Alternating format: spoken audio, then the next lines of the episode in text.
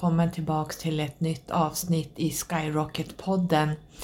Skyrocket betyder ju egentligen att man skjuter iväg från sitt tredimensionella jag upp till sitt absolut högsta jag som man faktiskt har i sin planritning och eh, även eh, de uppdrag man har. Och när man även pratar kring sina uppdrag så kan jag nämna kring Starseeds, för den här podden handlar mycket om Starseed-uppdragen och de mission vi har. Och jag skulle vilja faktiskt återigen, hur mycket jag än pratar kring Starseeds, jag känner mig ibland som en grammofonskiva som bara går på repeat, men jag upplever att det är så mycket okunskap där ute att jag faktiskt ibland bara vill ramla av stolen eller ramla ner från sängen allt det jag hör, ser och läser och det jag får skickat till mig. Så att eh, det krävs att jag fortsätter att eh, prata om det här eh, för alla nya lyssnare som kanske inte har hört på tidigare avsnitt. Och när det gäller Star Seeds så är det ett uppdrag som man har kommit ner för att göra. Och de här uppdragen är oftast väldigt, väldigt avancerade med ett högt perspektiv och det är inte många som klarar av de här uppdragen som man går ner för att göra. Man får sina aktiveringar när man är en starseed och man känner till sina grupper, man pratar fritt med sina grupper eh, och framförallt så söker man inte om man är en starseed som jag sagt tidigare, några känner sig kallade, men få är faktiskt utvalda. Så är det. Det är en trend i Starseeds och många vill vara det och jag ser att det är många som inte är det. Man vill vara det för att eh, det är lite trendigt, det låter lite coolt att vara galaktiker. För är man en galaktiker, då är man också en starseed. Man kommer inte ner från den fjärde dimensionen eller har någonting med vårat solsystem att göra. För det handlar om den fjärde, tredje dimensionen, det vi har eh, i våra solsystem. Och tro mig att jag faktiskt ramlar av stolen när jag får skickat till mig att det finns de som påstår att om man har vissa grader i sin astrologi i oxen eller har vissa grader i kräftan i sin astrologi så är man en plejad eller så är man en sirian. Jag känner att jag orkar snart inte få sånt här skickat till mig för det är sån okunskap. Det håller på att vara helt galet här ute i samhället. Just kring att starseeds, man är en starseed om man har vissa grader i ett visst tecken i sin astrologi. Alltså det här är så bullshit att jag blir mörkrädd på svenska och jag vill faktiskt säga det än en gång. Din astrologi har ingenting med starseeds att göra. Det, det, är väldigt få starseeds som går ner från de högre dimensionerna. För det första så våran astrologi baseras på vårat stjärnsystem om man tänker sig Sirius eller Plejaderna, det ligger långt utanför vårt solsystem. Det har ingenting med din astrologi att göra om du är en starseed eller vilket tecken eller grader du har. Däremot när man har Sirius-portaler som går in, Sirius-energier, det är någonting helt annat. Det är energier som går ner. Det handlar inte om aktiveringar, att, att Sirius-stjärnan eh, står eh, i alignment med solen eller så. Eh, det är inga aktiveringar heller, utan det handlar om en viss energi som går ner av olika, för vi känner av den här energin som går ner, eh, vilka stjärnor det är som, som eh, låses fast så man kan ta in det via solen eller via andra planeter. Så jag säger det igen att eh, Starseeds är typ 3-4% av hela befolkningen på hela jorden. Vi är väldigt få och vi, man, man, vet om man är en starseed. Man blir kontaktad av sina grupper, man har full kontakt med dem, man vet precis vad man har för uppdrag. det är ingenting man söker. Man söker, man sitter inte och gör quiz och framförallt så handlar det inte om astrologi. För vår astrologi handlar om vårat solsystem och där eh, befinner sig inte eh, de högre civilisationerna så att säga. Så med det sagt så ska vi gå in på dagens avsnitt.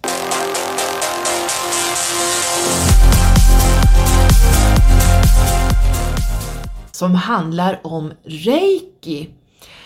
Vi pratar lite grann, jag pratar med mina galaktiska systrar om reiki, hur snabbt man ska göra reiki. Kan man bli fysisk distans, alltså ettan, tvåan och kanske till och med trean på samma helg och vad resulterar det i? Ska man skicka distansreiki till 300-400, kanske 1500 personer? Är det bra? Hur länge ska man behöva träna på distansreiki innan man sänder? Eller är det bättre att ge one-to-one? Vi pratar lite grann om den kommersiella reikin. Vi pratar också hur många grupper man som lärare kanske ska ha per år. Vad ska man tänka på innan man blir en, en reiki-master? Sen även ska vi prata lite grann om att jämföra reikin, alla tillägg som håller på att poppar ut. Det finns angelic reiki, det finns Jesus reiki, det finns de här eldarna här och mycket annat kring reiki. Och efter, dagen efter vi spelade in det här poddavsnittet, vi spelade in det här den 19 maj, och igår så att säga så dyker det upp i mitt flöde, ni kanske hann se på, på min, eh, min Instagram stories att eh, det dyker upp då att det finns någonting som heter Arcturian Reiki. Hör ni så tokigt? Alltså, nu har vi alltså Arcturian Reiki. Och jag, jag känner att jag, jag vet inte vart jag ska ta vägen snart. Om några år så är det ingen som vet vad genuin, äkta japansk reiki är för någonting. Usui satt inte med några Arcturians när reikin kom. Reikin kommer endast från Japan. Reikin kommer endast ifrån Usui. Det var här reiki startade. Sen håller man på med massa tillägg och tillägg och tillägg och tar ner eh, en massa saker som inte har med Usui att göra överhuvudtaget. Det är änglar, han höll inte på med några änglar. Det var eldar och det är Jesus och nu har vi Arcturian. Så jag vill säga det här igen innan vi kör igång det här avsnittet att vi måste försöka stoppa de här tilläggen som bara poppar upp hela tiden och det här handlar förstås om att tjäna pengar och att göra om reikin till någonting annat. Det man pratar om Arcturian healing, då pratar man om civilisationer, man pratar om helt andra dimensioner som inte har med reiki att göra överhuvudtaget. Till exempel Blue Ray-energin eh, som jag jobbar med via min Sirian-grupp, det är någonting helt annat och det går inte att jämföra med reiki för det har ingenting med Usui att göra. Så att jag vill bara göra er uppmärksamma på att ser ni sådana här saker som kallar sig någonting, ett namn och så reiki bakom så är det ren och skär bullshit. Det, en, det finns bara en reiki och det är den japanska reikin från grunden, från Usui och från Japan. Så att jag vill ha det sagt innan vi drar igång det här avsnittet. Så med de här uppmaningarna så säger jag välkomna in till det här avsnittet där jag har med mina galaktiska systrar kring frågor om reiki.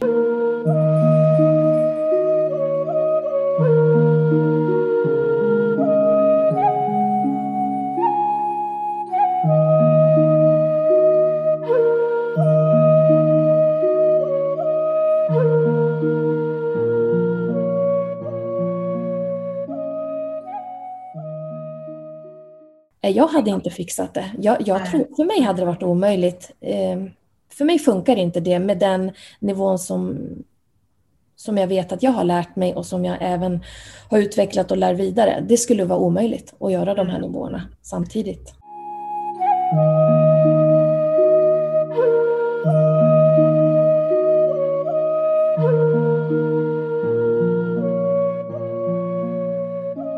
Hej och välkommen Sofia och Sofie till podden. Hej! Hej, hej! Jag funderar, ska vi presentera er eller ska vi hoppa över det? Ni har ju varit i podden tidigare, man kanske kan lyssna tillbaka. Men jag kan ju säga att Sofia Oceania är ju reiki-lärare, reiki-master och så är ju även Sofie som sitter här också och pratar. Sofie Johansson Annegren är Ja. reiki-master sedan Adam var född.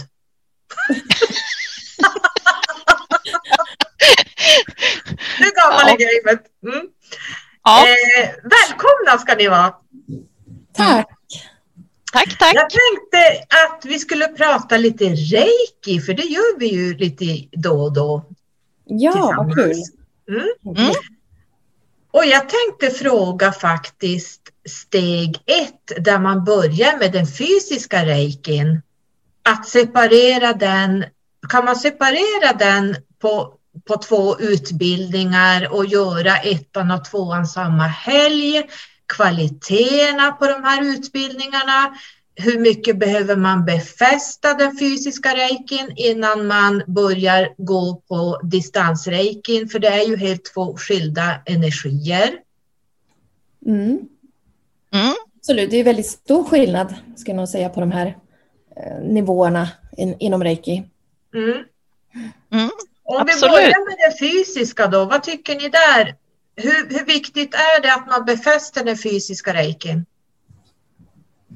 Ja, om vi börjar med att eh, titta på hur eh, en kurs ska se ut. Och nu har jag faktiskt varit så ambitiös så att jag har tryckt ut en rekommendation Mm. eh, vad de tycker man ska ha i en reiki 1 och reiki 2 och en reiki master. Och var, var kommer den här rekommendationen ifrån? Ja, den kommer faktiskt från Förenade Reikiförbundet. Ja, okej. Och eh, i Reiki 1 så säger de att eh, det ska vara effektiv kurstid, minst åtta timmar. Mm. Och där räknar de ju förstås inte med raster och lunchtid och, och, och, så. Ja. Och eh, eh, det är naturligtvis eh, fördelat på två dagar. Mm. För det är ganska mastigt. Annars får man nog köra från ja, tills solen går upp tills den går ner. Mm. Sen har de spesat då vad man ska ha med i reiki-kursen. Mm. Men bland annat tycker jag man ska nämna att de tycker att man ska ha minst fyra timmars uppföljning efter genomgången kurs. Så att det är liksom inte bara att när man har gått kursen så är det bye bye, hej då. Nej. Mm. Utan som lärare ska man ha uppföljning på eleverna efter de fysiska åtta timmarna är gjorda. Ja, precis. Mm. Men du, du frågade om eh, man kan ha en reiki 1 och en reiki 2 På samma Och- helg. på samma helg. Ja. Och det är ju naturligtvis inte möjligt med en nybörjare Nej. på något det är sätt. väldigt mycket att ta in eftersom bara ettan är ju egentligen en av de större nivåerna upplever jag. Och, Mm. och också första kontakten du får med reiki är ju så otroligt viktigt. Mm. Mm. Sen så tänker jag också att eh, det finns ju då en 21 dagars utrensning det. där det händer då Mm. en väldigt massa saker. Mm. Och eh, om man då gör två initieringar på en helg, ja det blir ju riktig flush flush. Oj, vad hemskt. Och vad blir integrerat av det hela? Det blir en gröt in. Mm, mm. Ja, Jag vet inte vad som är vad till slut. Nej, precis. nej. Mm. Och, och det är mycket kunskap som ska in. Så Mm. det blir, ja det är en tuff uppgift att göra Mm. för en lärare, kan jag tycka. Mm. Mm. Framförallt för eleverna som ska ta in allt det här på en, en helg. Det blir ju jättemastigt.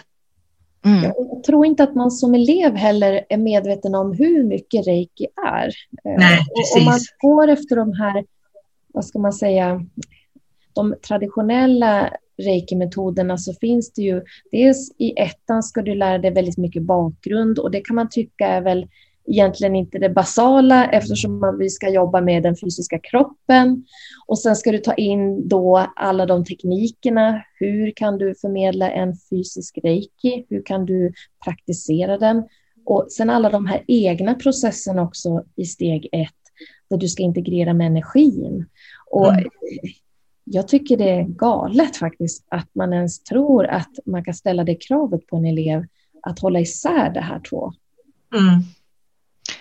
Sen tänker jag också som att eh, man lär ju sig reiki på en helg och man får ju pröva på att ge en behandling.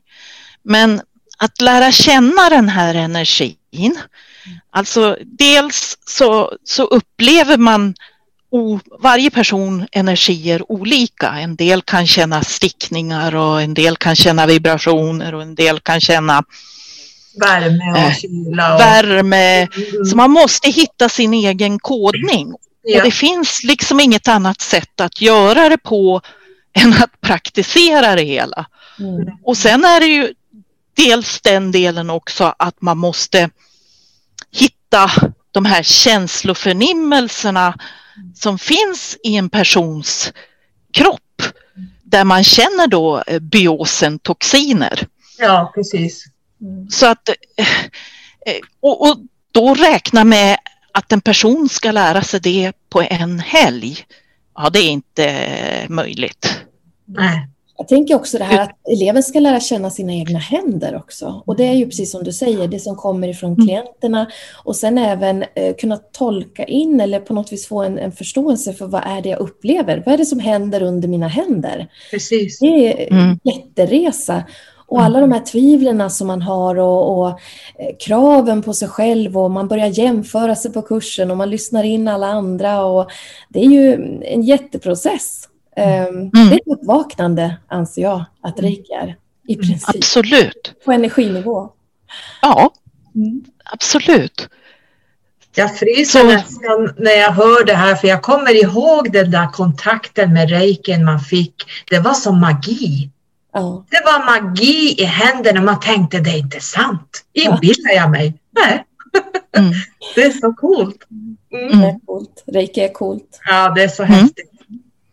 Absolut. För alla som tvivlar så är det for real. Mm. Jajamän, det går att känna. mm. Men jag kommer ihåg min första reiki som jag gick, nu minns inte jag vilket år det var, men då gick jag ju in, jag gick ju västerländska först ja. Mm. Ettan. Mm. Och då höll vi på i ja, fem, sex träffar hade vi. Alltså det var, jag kände ju, det var ju åt andra hållet, vad fasen blir vi aldrig klar någon gång? det var liksom sådär. Och sen anmälde jag mig till en, jag och en kompis anmälde oss till en, en reiki, vi skulle gå reiki tvåan fast vi skulle gå japanska. Mm. Och då var det den helgen så körde man då både grundreikin, alltså den fysiska och distansen på, samma, på en och samma helg. Mm. Nu hade ju jag och min vän hade ju redan, hon har ju både ettan och tvåan, jag hade ettan. Men jag tänkte för de andra eleverna kan det ha blivit tufft som, nu gick vi inte den av olika anledningar. Mm. Men, men eh, det hade, jag tänkte sen på det här att är det verkligt bra att ha både reiki 1, alltså fysisk och distans på två dagar. För mig det är en tuff uppgift. Ja, Både för lärare och elev. Men jag tycker det är många jag har sett senaste åren som faktiskt kör ettan och tvåan på samma helg. Och trean. Och trean! Jajamän, jag har stått på många mässor och där kommer de och frågar kan man köra alla tre på fyra dagar? Då har de äh. en extra dag bara på trean. My God! Ursäkta. Ja, det är... Det, har, det visste jag inte. Då kan man börja undra vad det är för kvalitet på det hela. Men vad är det för lärare? Det känns som att det blir lite kommersiellt av det hela, att man bara vill hova in pengar och sen skita i eleverna. Ursäkta att jag säger det högt, men jag säger ju alltid vad jag tycker. Jag kan gå till mig själv lite som när man håller en helg. Det är ja. otroligt mycket information. Det är mycket kontakt med varje unik elev. Mm. för mig är det så viktigt att man ser varenda elev som kommer in, oavsett om de är fyra, åtta eller 15. Mm. Och det krävs att du har tungan i mun, rätt i mun. Eh, och du är helt slut. Eh, mm. för att du är lycklig efter en kurshelg, men du har också gett allt eh, till var enskild elev. Mm. Och ska man då göra det jobbet och även gå i fler reiki-grader, eh, jag hade inte fixat det. Jag, jag tror, för mig hade det varit omöjligt. Eh, för mig funkar inte det med den nivån som, som jag vet att jag har lärt mig och som jag även har utvecklat och lär vidare. Det skulle vara omöjligt att göra de här mm. nivåerna samtidigt. Det går ja, dels för läraren och dels för de stackars eleverna. Ja. Mm. Alltså hur, får, ja, jag kan inte ens med ord fråga hur man tar in och lär sig den fysiska. Sen ska du nästa dag göra distansen och lära dig symbolerna och sen ska du bli master på tredje dagen. Hur får man ihop det här? Du hinner aldrig gå in i processerna. Du hinner aldrig nej, nej, nej. Mm. Och sen är du master innan du ens har gjort den här 21 dagars rensningen. Mm. Mm. ja, det, det låter tufft. Men mm. ni rekommenderar, ni som är gamla i gamet här, som är reiki-lärare och reiki-mastrar i den japanska traditionen här, att man ska integrera den fysiska en bra stund. Jag förstår att man kan, det är lite olika kanske hur mycket man utövar, hur mycket man tränar på att ge. Mm. Och det kanske är svårt att säga tidsspann. En del säger åtta månader, en del säger ett år, en del säger att du ska göra vad tycker du Sofia? Du, du tycker man ska ha minst hur många fysiska reiki? Ja, men för, eh. Det är återigen det där att man får nästan titta på varje elev som söker till de här vidareutbildningarna. Att man får följa upp dem först och kolla på vilken nivå de är. Mm. Och det tycker jag det är väl det sista man gör innan man släpper iväg eh, första nivån, eh, reiki ja. att man kanske har ett samtal med varje elev och, och jag har ju alltid uppföljningar på mina ja. elever så att när helgen är över så är vi ju inte klar utan där börjar ju reiki-jobbet. Precis. Mm. Ditt, ditt reiki-jobb menar du, det börjar efter, efter du har haft och slitit en hel helg så att säga, för det är ju ganska mycket jobb att ha en hel grupp. Sen ja. börjar ditt jobb efteråt. Ja, men delvis så har de ju fått massa material med sig och de har fått massa saker som de ska praktisera när de kommer hem. De har även inloggningar och olika ja, hjälpmedel och sen har vi även uppföljningar där vi sitter hela gruppen och delar och bollar eh, tankemönster. Och sen så brukar jag alltid be att de återkopplar om de sitter på frågor och funderingar och det här kan ta ganska mycket tid så att man lär ju ja. känna sina elever. Och, har väl inte mm. fått så många nya som aldrig har gått utan oftast går du med alla led då hos mm. mm. mig. Okay. Ja. Eh, de få gånger det har kommit någon utifrån, ja då har man ju fått följt upp dem och titta vad har de fått med sig tidigare. Mm. mm. Så där sätter jag i alla fall en allmän rekommendation att du ska ha gjort kanske tio mm, fysiska behandlingar i alla fall. Du ska ha lärt känna mm. teknikerna, mm. du ska kunna handpositionerna i ettan då och du ska kunna på något vis ha integrerat med reikin. Mm. Ja, det, det, är väldigt individuellt. Det går nästan inte att svara på. Jag vet inte om Sofie har något vettigt, vettigare att säga där och flika in. Nej, men alltså det, det handlar ju väldigt mycket om hur pass mycket de har utövat. Mm. För reiki är ju faktiskt en behandling. Ja. Så det handlar ju om att man måste behandla och lära sig och handpositioner och eh, även eh, förnimmelser och eh, lära känna energin och mm. förstå den. Mm. Och det tar tid. Och det tar olika tid givetvis på, på, hur bra man är eller hur mycket man har jobbat med det hela. Känna obalanserna ska man ju helst kunna göra också. Ja, precis. Så att eh, det tar eh, lite tid att lära sig så. Mm. Men, men det vi kan säga då om vi sammanfattar den här frågan som jag ställde till er är att köra ett, två och en värre tredje graden ja. på samma helg är inte att rekommendera. Nej. Nej.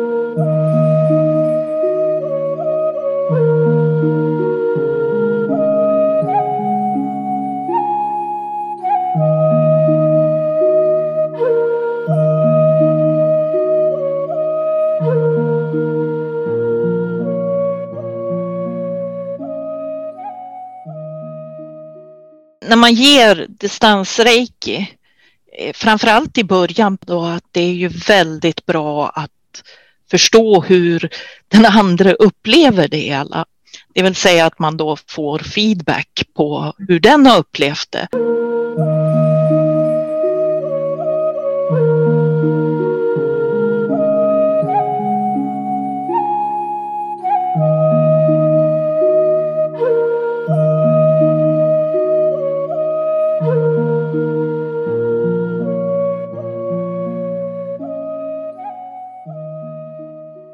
Jag tänker eh, på sociala medier, Facebook och sådär, så är det ju många som har börjat, jag tror jag började se det här för något år sedan, men jag tycker nu har det blivit väldigt frekvent att man skickar distansreiki till allt mellan, ja men vad kan man säga ibland, att det är långt över 350 pers upp till 1500 har jag sett ibland. I sådana här reiki grupper eller vad man ska kalla det, där man sänder då live till så här många personer och det kanske är så att den som sänder reiki kanske inte ens har haft sin tvåa längre än någon månad bara, kanske bara någon vecka, jag vet inte. Och jag undrar, är det bra att skicka distansreiki till så här många människor? Vem ska ja, alltså. ja, det har ju blivit en trend. Nej, alltså man kan, det finns säkert för och nackdelar med allting. Och det mm. finns mm. olika aspekter, det förstår jag också. Men jag tänker om man allmänt kan säga, vad är riskerna med att skicka distansreiki? Finns det några risker eller några fallgropar med att skicka till så här många människor på en gång? Eh, jag har ju sett det här eh, att man gör och jag vet att även många av mina elever gillar att jobba med gruppreiki, distansreiki.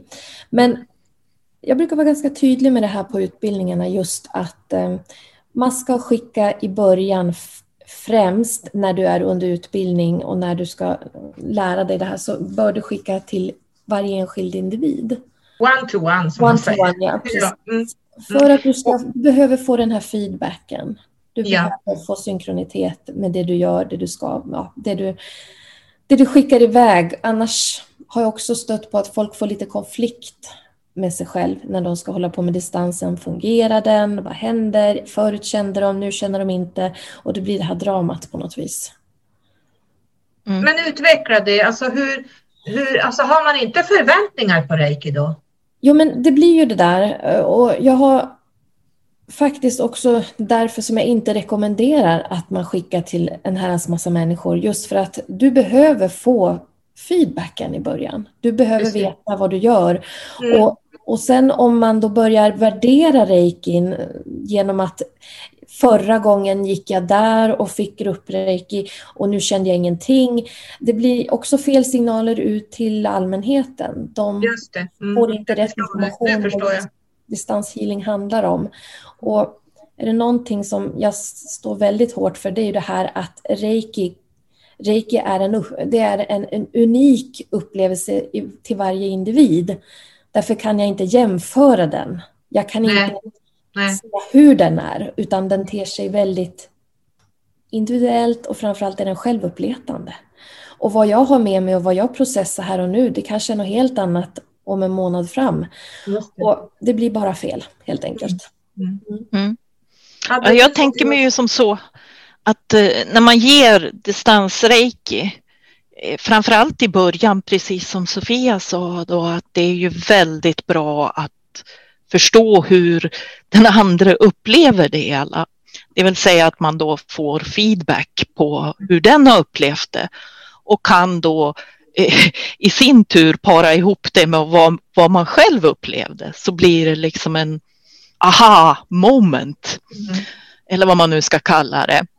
Och framförallt att man får känna själv hur det känns att få mm. eh, distansreiki och, och liksom förstå hur de kan uppleva det i sin tur. Innan man ger sig i kast med att skicka till 1500 personer. Jag minns att du och jag Sofie gjorde ju mycket övningar där när jag gick din utbildning att du var noga med att jag skulle berätta vad jag kände och hur mm. det kändes och, och hur du kände gick vi igenom. Så att nu förstår mm. jag varför du tryckte så hårt på det. För det minns jag nu mm. när vi pratar om det, att, att du var noga med det minns jag. Mm. mm. Så att det är liksom, då förstår man det hela mycket ja. bättre mm. och hur det fungerar.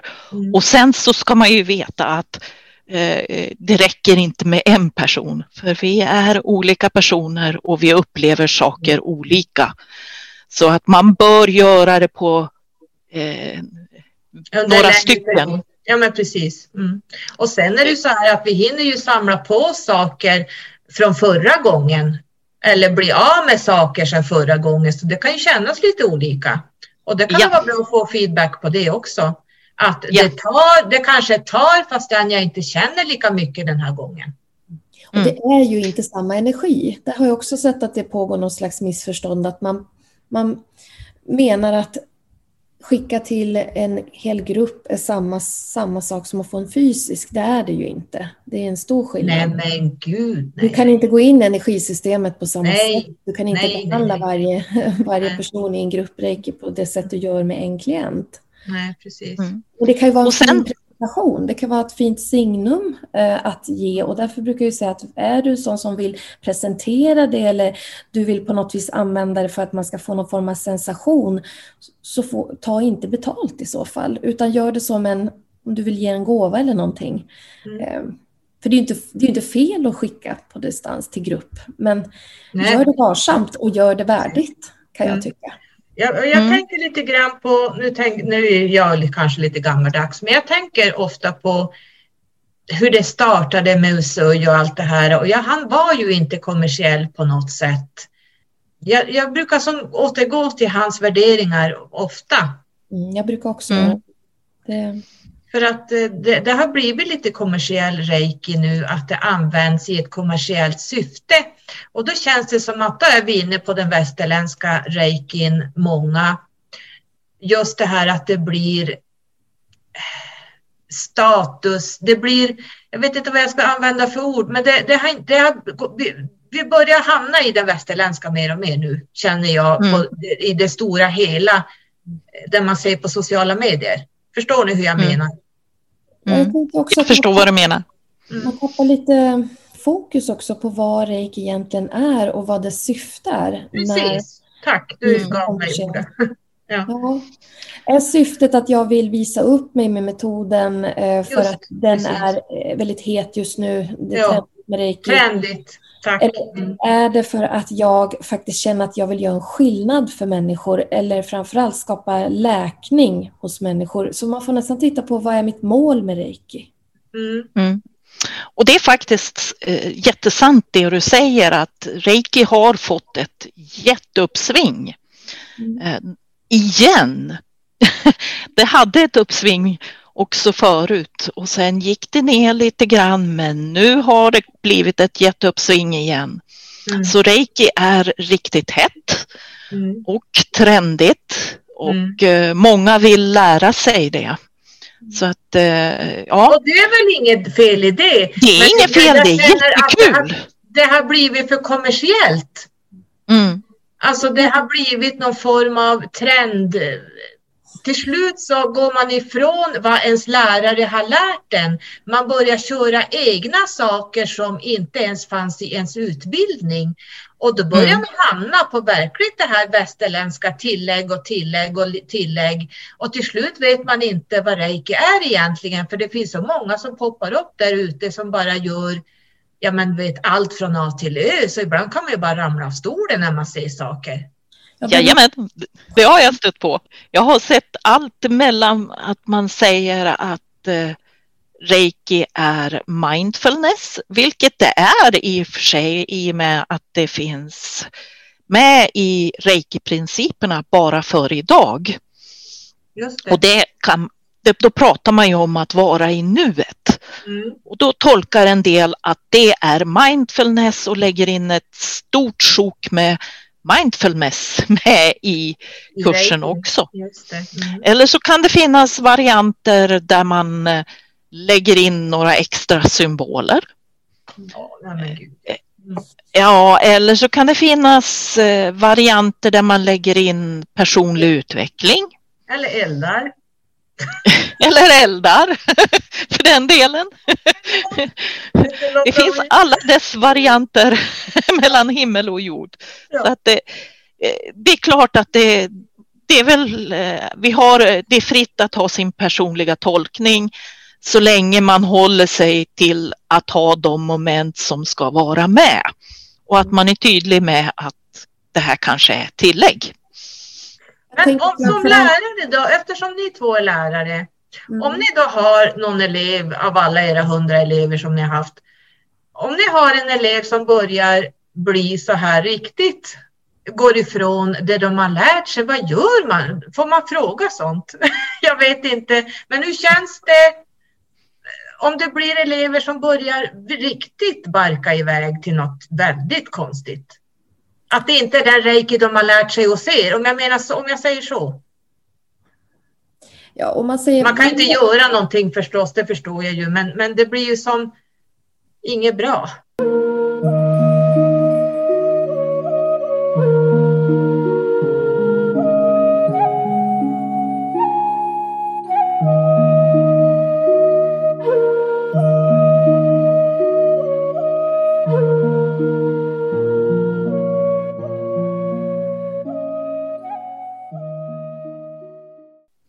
Och det är ju det här att vi måste ju ändå släppa studenterna, jag kallar alltid mina för reiki-studenter, för när de är klara hos mig eh, då är, de, då är de sina egna, så att säga. Då är de reiki-utövare och då, kan jag, då är de mina kollegor, är de, mm. Mm. mer eller mindre. Mm.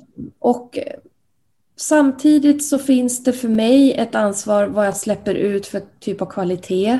Och det har jag märkt att jag tycker nog att de är ganska duktiga, mina elever, på att ta till eh, råd som de får. Det är därför det är viktigt med uppföljningar. Det är viktigt att man också kontaktar mig om man är osäker på någonting, att man inte liksom höftar med någonting eget och så blir man lite stött sen när jag kanske påtalar någonting.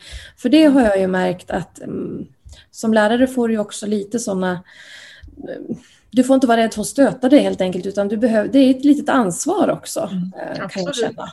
Mm. Inte på det mm. sättet att man ska kontrollera och, och, tala om vad de får och inte får göra. Det är självklart så får man ju gå sin egen väg, men mm. man får inte heller glömma att när man arbetar med reiki som är en väldigt välbevarad metod egentligen, om jag får mm. säga med en parentes, mm, mm.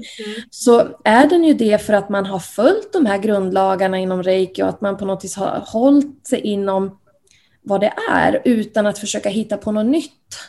Och det tycker jag är bra, för att då gör man det i någon annan terapibehandling eller energibehandling. Men att man försöker behålla reiki-traditionen, i alla fall i den japanska reikin, att man försöker behålla den japanska traditionella reikin för att den är ju så bra.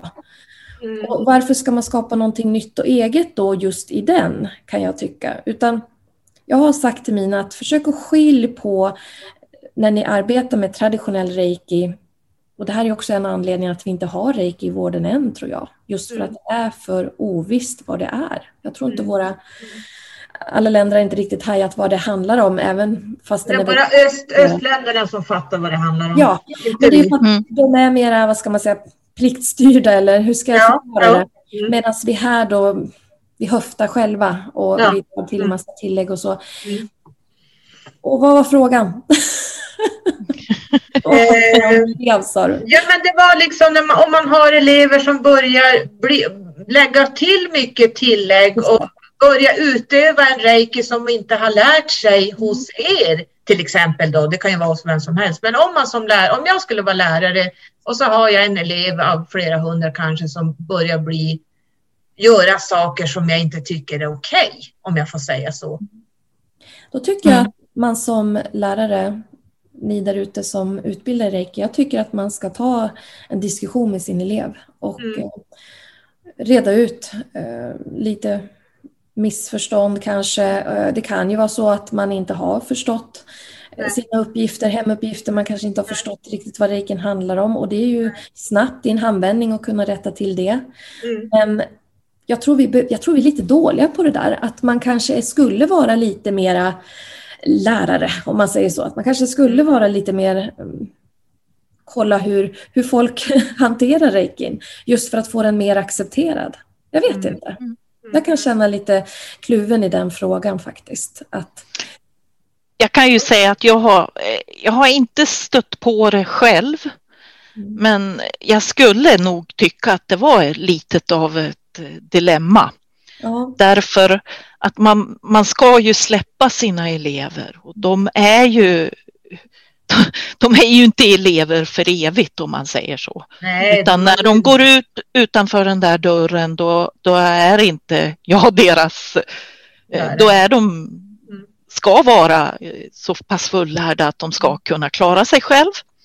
Mm. Men samtidigt så är det så att ja, man kan inte fokusera hela tiden. De kan ha missat något mm. i sin utbildning. Ja, då kan det ju faktiskt vara bra att man i varje fall försöker påminna att den här kanske lite bör du hålla koll på. Mm. Ja, men det är inte helt lätt. Jag håller med om det. Jag men jag tycker, jag tycker ändå, om jag får bara få avbryta där, eh, jag tycker ändå man ska ha respekt för sina lärare där man har gått. Det tycker mm. jag är väldigt viktigt för att jag har jätterespekt för dig Sofie. Och mm. men jag nu kallar dig min reiki-master, det är mer för att jag är inte master själv, så därför ser jag dig som min lärare fortfarande. Och, jag tror inte du ser mig som elev så, men du förstår vad jag menar. Men jag tror respekten, respekt mm. för, för, sin lärare ska man faktiskt ha. Mm. För att det är de som, har, som sitter med kunskapen från början.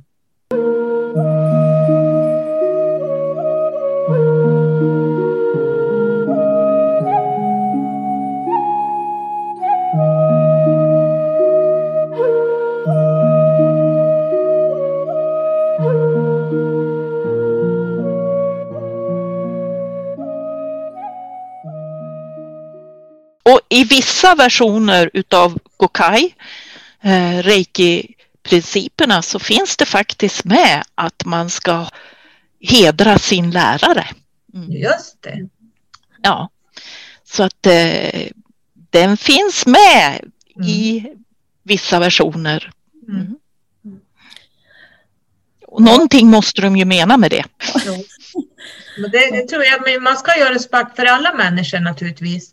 Men jag tycker ja. också att inom reikin så är det väldigt japanskt. Det är mycket det här att man bockar och bugar till varann och det, det är en fin gest tycker jag. Nu behöver inte vi göra det så här, men alltså de har ju väldigt mycket respekt för ja, men både alla människor man träffar.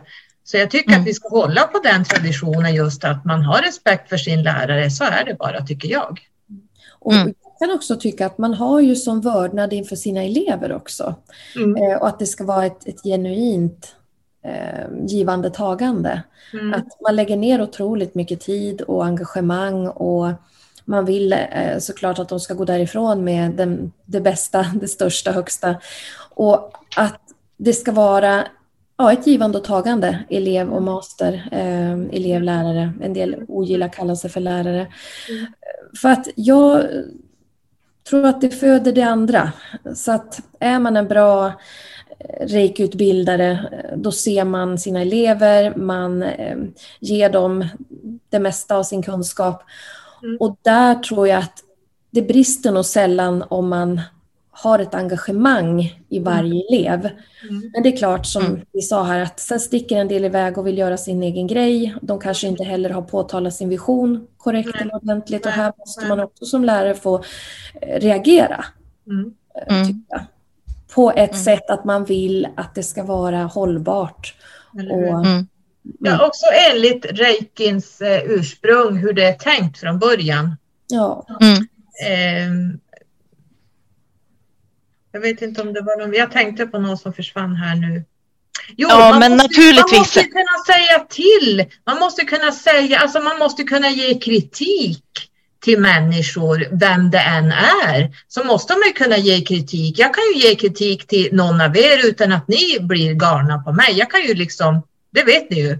Mm. Men det, lite beror ju på hur. på mig för det. Mm. hur man ger kritik också. Det, handlar ju om att ge den konstruktivt. Och, och, det gör man ju eh, när man eh, inte säger något elakt på Nej. något sätt utan att man gör det på ett välmenande sätt. Mm. Och det kan man känna av när någon gör. Men sen är det så här att den som inte kan ta den här kritiken har någonting obearbetat inom sig oftast därför att man reagerar med triggers, man reagerar med ilska, man reagerar med ja men allt det här och det beror ju på att det har det tagit mitt i prick. För så fungerar ju triggers när man, när, när man reagerar på någonting så är det ju någonting inom den personen som inte är läkt, som man inte har jobbat med i den personliga utvecklingen. Man kanske inte ens är redo att jobba som reiki-utövare från början. Om man inte, mm. alltså förstår ni hur jag tänker? Det här gäller ju mm. alla människor vad man än gör. Och triggers tycker jag är jättebra för att det väcker upp någonting i människor som kommer upp till ytan. Mm. Mm. Det kan också vara de här eleverna som nickar och, och instämmer och sen gör de något helt annat. Ja, men precis. Ja, precis. jag, jag, har inte många sådana, men det är klart det är någon som slinker emellan eftersom att håller man väldigt mycket utbildningar då, då tror jag man råkar ut för det lite oftare också. Eh, men jag har stött på lite det här att jag har försökt av min välvillighet eh, förmedla hur jag ser på ett efterarbete och sen så har det blivit att man säger att man ska tänka på det och sen gör man ändå inte det. Mm. Mm. Där som lärare, jag vet inte hur du har känt inför det Sofie, men där som lärare blir man lite, eller utbildare, så blir man, man, man blir lite frustrerad för att det är lite som i Sverige ska man, man går en utbildning, sen har man den bara och sen ska ingen lägga sig i. så. Mm. Och mm. jag kan tycka att jag vill ju lägga mig i för att jag vill jag vill att det ska vara eh, kvalitet för dem också. Så mm. att utan att vara där med pekpinnar men att kanske faktiskt råda att det där är nog mindre bra. Har ni tänkt på det här eller har du tänkt på det här? Det kan eh, mm. Det kan bottna sig olika saker ja. som, som de själva kanske inte ens är medvetna om. Ja. Till exempel det här med kommersiell reiki. Det, för börja en, låter man en göra det, då kommer alla andra göra det. Och det är ju lite det här, mm. vi vill inte att reikin ska vara kommersiell. Så Nej. är det. Men om vi Nej. vill sprida budskapet, vi vill att så många som möjligt utövar reiki, mm. så behöver de tro så pass mycket på sin egen förmåga att de mm. vågar arbeta individuellt. Mm. Eller mm. inte att med reiki ska vara någon form av skylt, att man skyltar med den, man marknadsför sig med den, utan att man går Nej, precis. grundat i den istället. Mm. Mm. Mm. Du har helt rätt. Ja, men precis. Och det är lite där kan jag känna att det blir en fasad av reiki istället. Reiki blir någon form av trendsättare. Det blir mm. något coolt att lägga upp på Instagram kanske.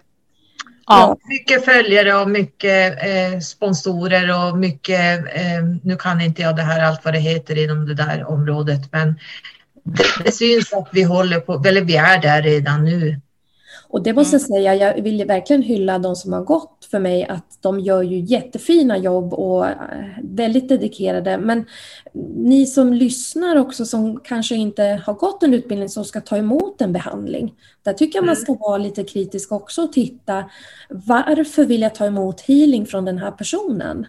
Mm. Kan det vara för att jag ser upp till personen? Kan det vara att alla andra gör det? Eller är det faktiskt att jag ser på ett fantastiskt arbete som jag har fått feedback på? Alltså var mm. lite mera källkritiska eh, så får ni kvalitet mm. helt enkelt. För det finns de som jobbar omfattande med reiki dagligen. Mm. mm. Du. Mm. Du, är den, du Sofia är nog den som jobbar, jag törs nästan säga det, jag tror du jobbar mest med reiki i hela Sverige faktiskt. För du har, du har ju det här som jobb alltså, det är varje det, dag. Det är bara för att Sofie forskar så mycket. alltså, jag är reiki-forskare här också, så vi har det så bra. Ja, men i, mm. I coronatider så är det ju mycket reiki nu. Det är det. Ja. Ja. Mm. Och det är bra, det är jättebra. Det är mm. jättebra. Men man ska tänka alltså, på. Alltså reiki är en väldigt bra inkörsport till eh, att bygga på. Ja. Och det, eh, det går att bygga, man lär sig väldigt mycket genom att man får en, eh, ja vad ska man säga, man blir eh, medveten om hur energi känns och fungerar. Mm. Så att, Får jag fråga en sak som jag kom på utanför alla mina frågor här nu när du säger ja.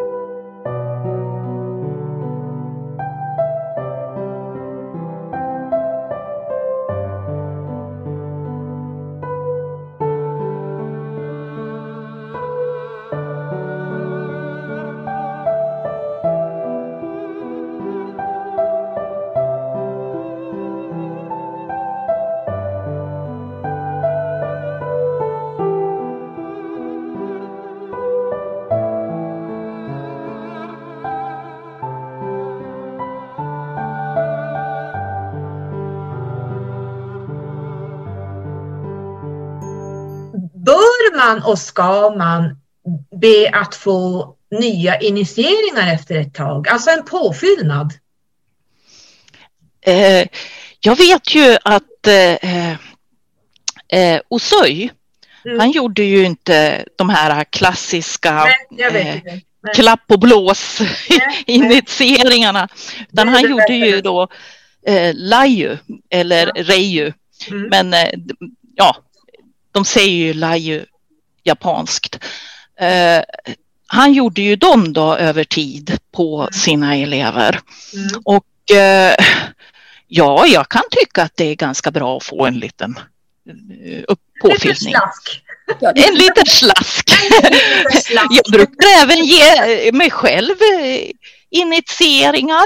Mm. Så att emellanåt så det går att göra jag tänker med tiden så kanske man är mycket ute i det tredimensionella samhället med mycket lågfrekventa människor och energier och det går mm. många år så att till slut kanske man stänger igen den där att man kanske ska öppna den då och då. Framförallt mm. om du inte har jobbat så frekvent med reikin eller att du, Nej, precis. livet har kommit mm. emellan. Precis. Och sen är det ju så att när man träffar sina före detta elever då, så kallade reikiutövare, eh, då ger man dem ju som master ger man ju en reju-boost. Och man ger ju det. det varje gång mm. man träffar dem. Och mm. det kan ju ske även via ett samtal. Jag ger ju mm. mina även på distans, mm. en påfyllning. Mm. Men det här med att ta bort kan jag tycka är ett lite större issue. Att jag... Men det har jag hört. Får vi prata om det när vi lika sitter här nu? Oj vad bra Sofia att du sa det. Det har jag nämligen hört. Att... Oj, oj, oj. Har, kan, har ni hört om det att folk börjar plocka bort sina reiki-initieringar men så galet? Ursäkta. Ja, Hörde du min suck? Varför gör man Ah,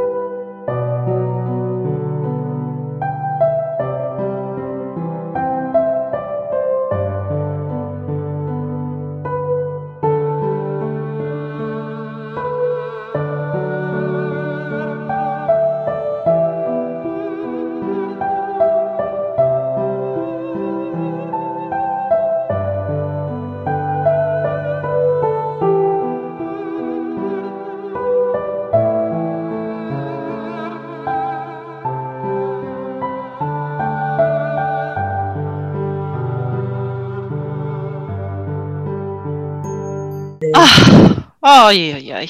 Vet ni någonting om det här eller är det bara ja. som... Ja, nog vet jag väl om det här. Absolut. ja, nej, alltså. Jag var med redan vid första vågen när det var populärt och, och då tog när det började gå lite neråt så började komma de där som helt plötsligt säger att eh, reiki är inte högfrekvent längre eller att det är inte bra längre utan nu är det något annat som gäller. Och vet du vad? Jag kan faktiskt plocka bort den här initieringen. Du behöver bara betala och så får du en helt ny uppdatering av mig. Hur mycket måste man betala då? 3000? Nej, jag vet inte. Och nu börjar jag se att det här händer igen. Nej, är det sant? Jajamän, och, och jag blir så här, ja men ska vi hålla på så här och gå i cirklar hela tiden? Men vad är det här för något? Mm. Ursäkta som vi säger. Jag blir lite, jag blir trött. Och, och jag säger som så, att har man fått en reiki-initiering den går inte att plocka bort. Så. Tack. Nej. Utan du har fått en större energi som har gjort att du har öppnat upp ditt kronchakra. Om någon har lust att mura igen den, ja men liksom hallå. Det där är det där dramat. Eller vad de nu gör. Ja. Ja, det där ja. dramat som de skapar och det är också det där att lärare har jag hört som påstår sig plocka bort när de blir osams med en elev. Då vill de plocka bort initieringar på sina elever. Nej, men du det, nej, det har jag hört. Och det är också det här att man spelar lite det blir att spela lite Gud över det hela om man påstår att man kan göra sådana här eh, överdådiga eh, saker som du sa, mura igen hos kronchakra eller vad man nu tror att man gör. Men Mm, varför Och det är ju inte bra. Det Varför- blir ju ännu värre. Då kanske man stänger igen hela, hela alltså, ursäkta att jag avbryter, men jag blir bara så här, förlåt. Men vad ligger faran i att få livskraft? Ja, men det Vi består av livskraft. Vi mår bra av livskraft. Vad är faran i att... Vet du vad jag Jag, tror jag, jag är? förstår det inte. Jag tror att det är att Mm. människor har så svårt att möta sig själv. Tack, jag tänkte precis, folk vill inte möta sina skuggsidor som kanske kommer upp i reiki. För reiki gör att du får jobba med dig Ja. själv. Precis. Mm. Då skyller vi istället på utbildningen och initieringen. Och Mm. det är det där dramat som jag upplever. Och eh, ja, då kanske man får spela med då och säga att ja, men då tar vi bort den så kan du slappna av. men jag Du har får inte kvar upp dina, din det. skit där nere istället för resten av ditt liv. Är det bättre det då? Jag kommer ihåg, jag blev jättesjuk när jag fick mina initieringar när jag gick med västerländska. Alltså under min 21 dagar, my god vad sjuk jag var. Det kan vara tufft, absolut. Mm. Jäklar vad det kom upp saker. Både Och fysiskt det, här, det här har ju gått i omgångar. Men det man ska veta är att på något sätt så har alltid reiki som eh, metod bestått, aldrig dött ut, Nej. utan det bara fortsätter att sprida sig världen över. Det är den populäraste i särklass eh, healingmetod världen över och man bedömer att det är miljontals människor som utövar det här. Mm. Så att eh, ja, En bra resa. reiki är bra. Mm. Så många skulle inte hålla på med reiki om det var dåligt. Nu pratar, vi alltså, nu pratar vi alltså japansk reiki, inte någon ängla-reiki eller något annat. Nej, de- den tror jag inte har spridit sig så mycket. Nej. Utan vi pratar den eh, traditionella och, Den japanska traditionella. Kom reiki. bara så jag vet var vi är någonstans. Mm. Mm. Hade du någonting att tillägga där Sofie? Ja, Sofia? Mm, Ja, nej men det är väl det där att eh, reiki inte är farligt. Reiki är någonting som är en naturlig del av oss. Hur kan livskraft vara farligt? Jag förstår Nej, inte. nej, jag förstår inte heller. Du, det håller på att vara så galet i våra värld så att snart blir man inte förvånad för någonting. Sen undrar jag hur mycket grupper bör en reiki-master ha per år? Därför att jag var ju nämligen funderade på om jag skulle gå mastern. Mm. Och när jag nu vet hur mycket jobb det ligger bakom, för jag, vi, jag och Sofia och Oceana, vi pratar ju typ varje dag, eller vi pratar ju alla tre. Och både jag och Sofie vet ju hur mycket du sliter som, som med ditt jobb inom reikin. Både att du har dina kurser och sen att allt efterjobb och alla efterkopplingar och allt sånt där du har. Eh, så då kände jag att jag har inte den tiden, inte den kapaciteten som det faktiskt krävs för att vara reiki-lärare. Så vad tycker du att hur många grupper ska en lärare ta på sig under ett år för att man ska hinna med att följa upp sina elever och följa upp allt som krävs. Jag menar, det, det, en elev kanske har så mycket att prata om att en elev kanske tar flera dagar. Att, alltså det kan ju vara olika. Mm. mm.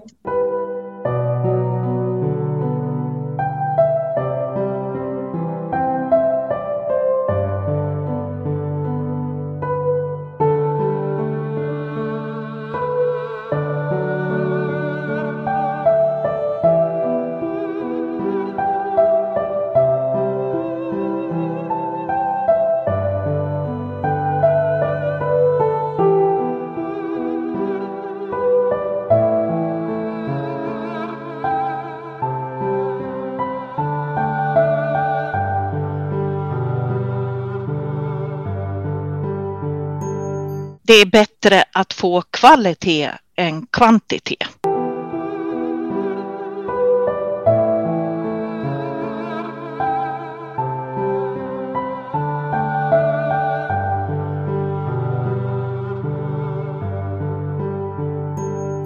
Ja, jag har ju fått ändra om strategin lite själv nu när man har haft ganska högt tryck i samband med coronan och eh, som sagt, vi som är utbildningsanordnare, vi får ju mycket hög belastning om vi har bra referenser. Och det tror jag Sofie också känner som också mm. jobbar frekvent med reiki. Mm. Och det jag kan känna är att den dagen jag känner att jag inte kan nå varje elev, då måste jag stoppa upp. Um, och då får jag säga nej och då får jag plocka bort um, kursdatum. För att för mig är det återigen att jag kan se att var och en elev får ut, kan utvecklas mm. inom Reiki.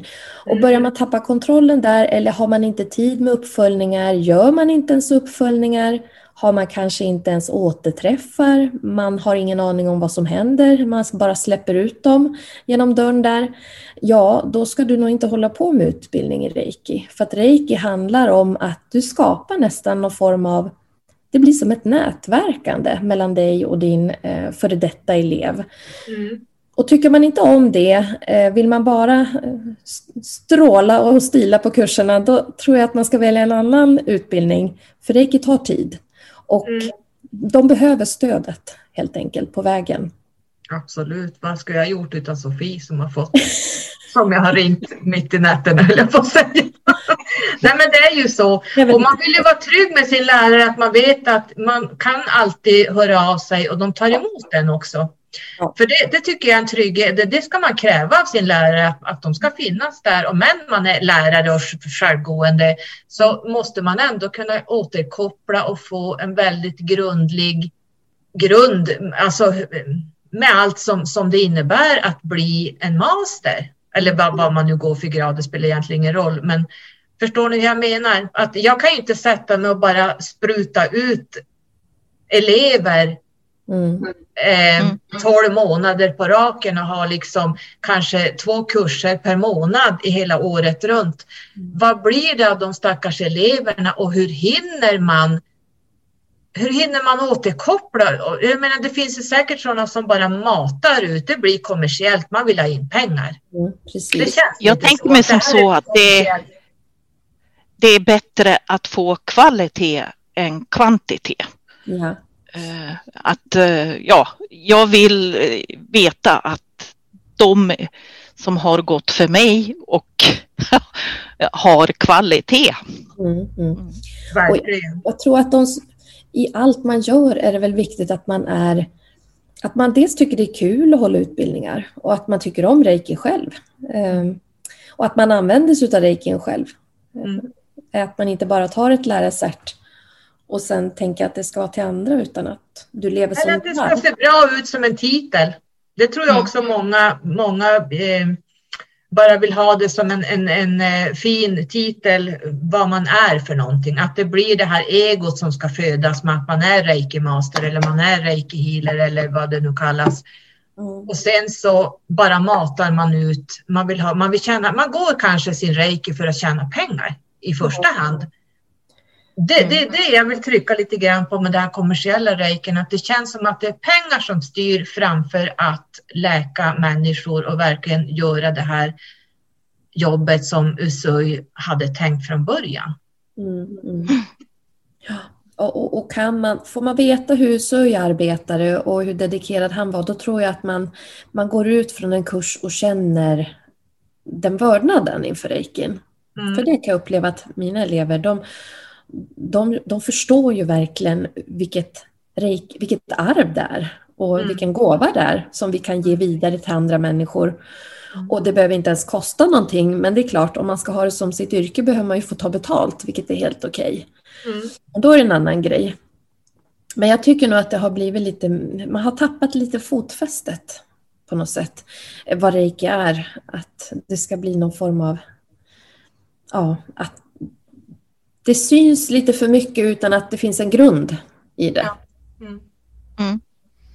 Och jag tänker mig också som så att alla de här eleverna som nu går ut, det är ju faktiskt eh, de nya generationen som kommer att föra det här arvet vidare.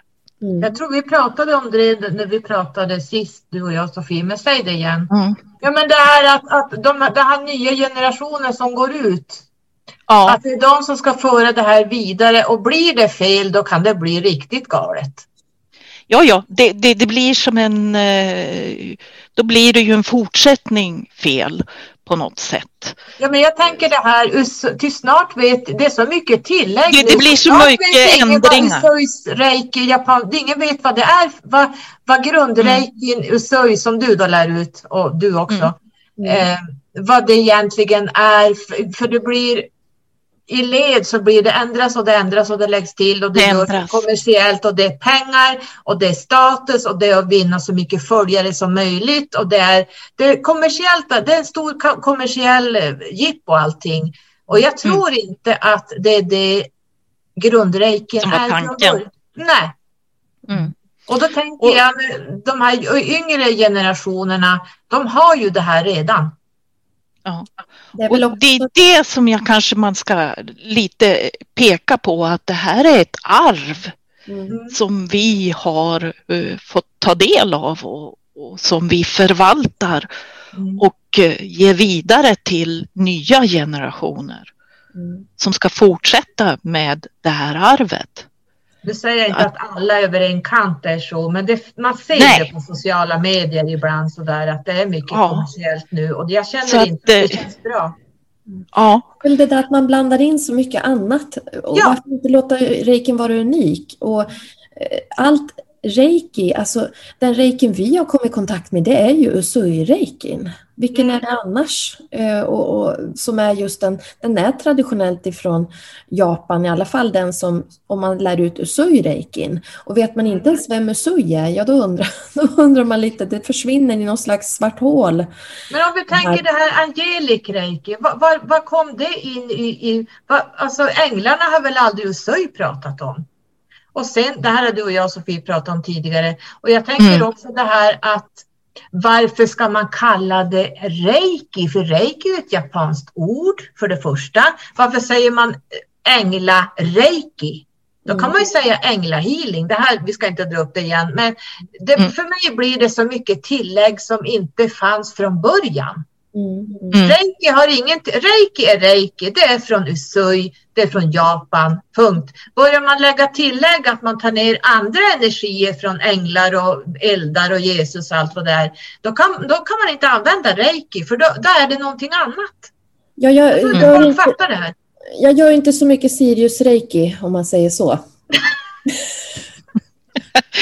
Nej, och det, det, det, kommer ju liksom hela tiden nytt. Och, och, och, nu har vi väl mycket solstormar så, så kanske ja, solstormsreiki eller något. Ja, men, men plasma i eller? Tomma är ju reiki som kommer från jorden. Ja, men, det, ja. Men där fick jag en, en elev som faktiskt frågade mig, ja men det är väl den vibrationen man utgår ifrån som blir eh, sin reiki. Och mm. på ett sätt ja och på ett sätt inte. Och det är mm. för att eh, är det usui-reikin vi pratar om, då kopplar man upp sig på usui-energin som han ja. fick till sig. Och man, mm. man jobbar med symboler, man jobbar med kododaman och man, man framkallar alltså ett själsljud, ett, en, en själsvibration som är kanaliserad, anser Oj, jag. jag börjar frysa. Mm. Av usui. Ja. Och är det då att jag ska blanda in mina egna då, eh, kosmiska DNA-strängar i, i reikin, då är det min kanaliserade reiki, eller då är det min kanaliserade healing snarare. Mm. Mm. Så att jag vill, det är annat. Det är en helt annan sak. Alla händer är unika. Alla som lägger handen på en handpåläggning har en unik energi. Absolut. Men jag vill nog se det som att det vi lär ut är Usuis kanaliserade eh, reiki-energi. Mm. Jag tror det är viktigt att säga det igen för att eh, jag tror inte många förstår skillnaden mellan alla de här tilläggen som har kommit. Och sen är det så här att när du och jag kopplar upp oss på eh, Sirius A och B så är inte det reiki vi tar ner. Nej, även om det är livskraft i sin tur, men det är ju en helt annan... Vi har en helt annan. Avsikt, och det Här snackar vi power. det kanske är nästa steg, vi får se. Ja, vi kanske ska... är redo för ja. Eller vad säger du som kommer från Vega där som sitter här också? Hon har ju också Muktarin, ja. du har ju väldigt höga energier när du, när du tar ner dem. Mm. Mm. Men det får vi prata om i ett annat avsnitt. Nu ska vi mm. prata om dig. Mm.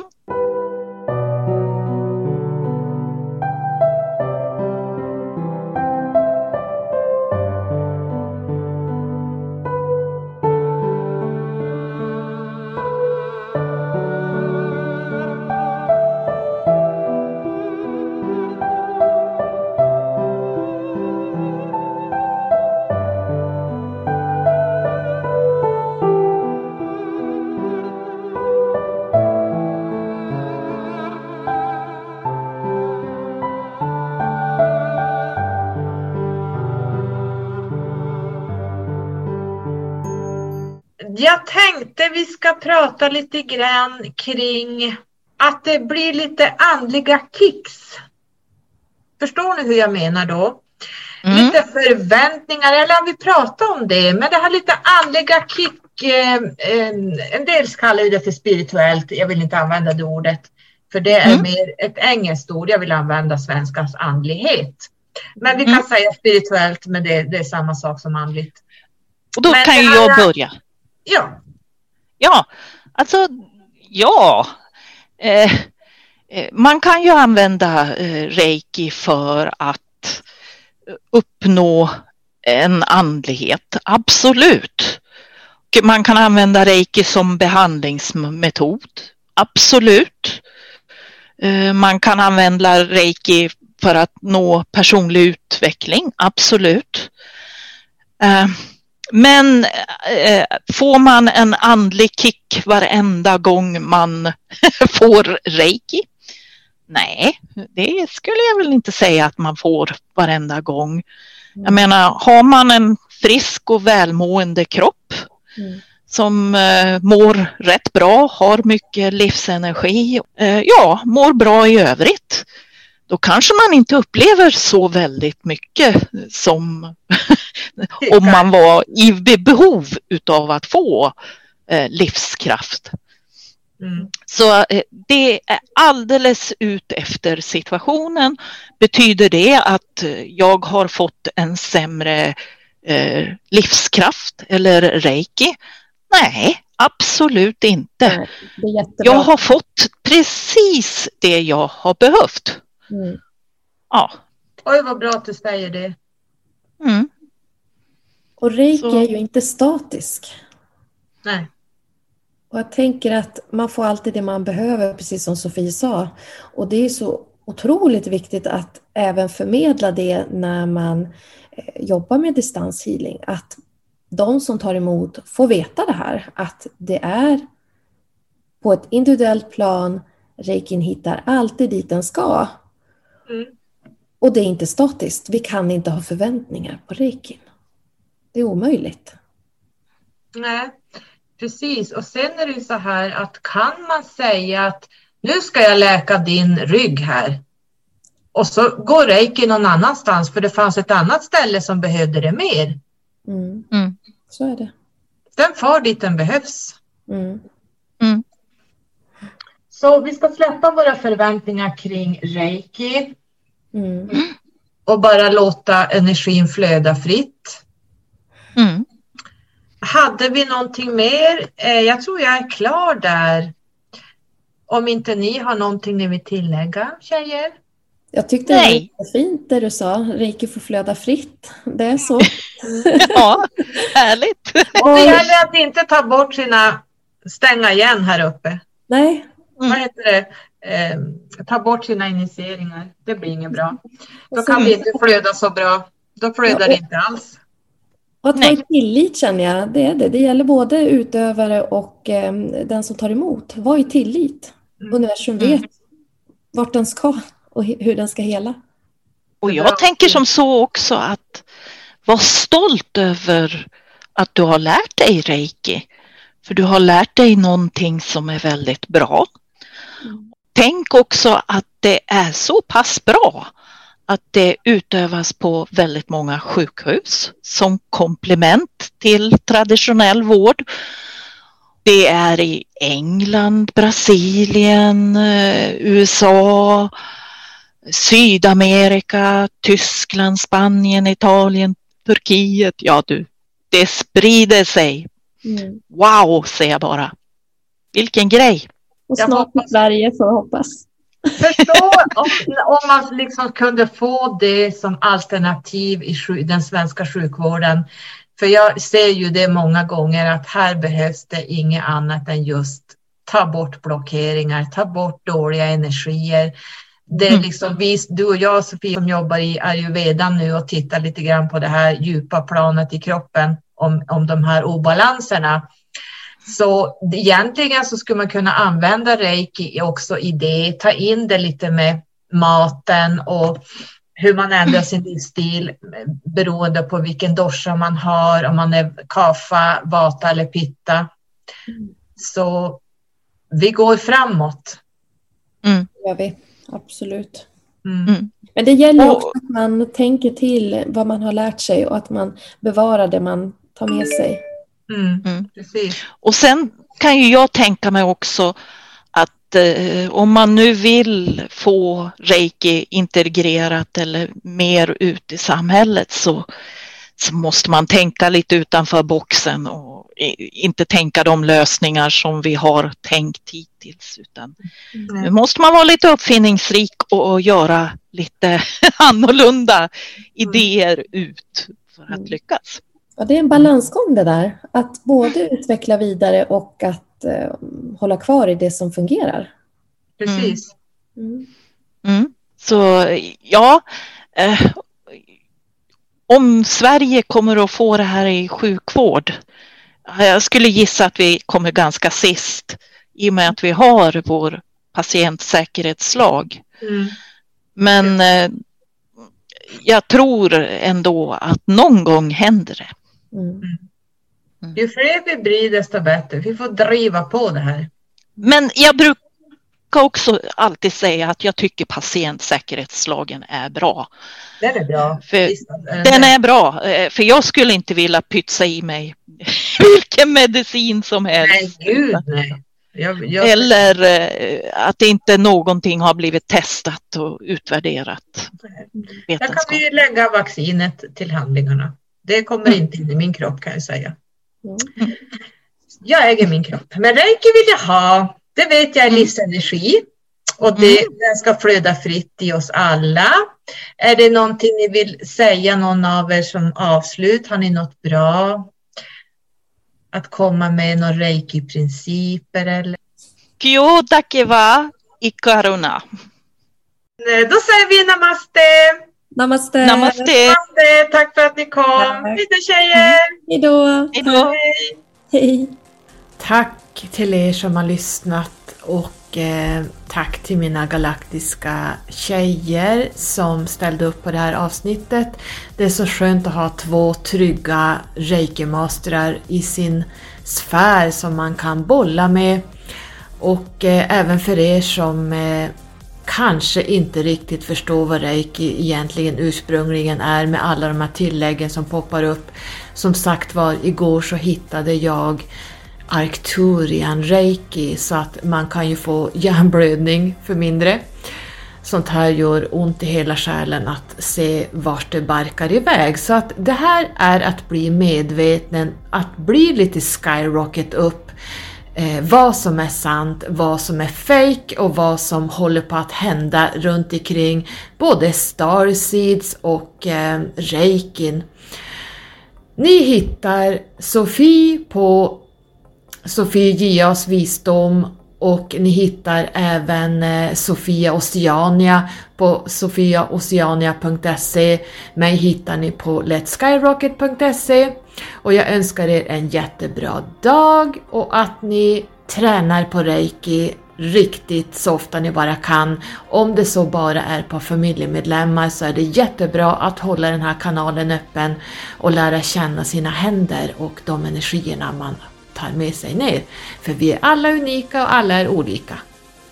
Puss och kram på er! Tack för att ni har lyssnat. Hej då!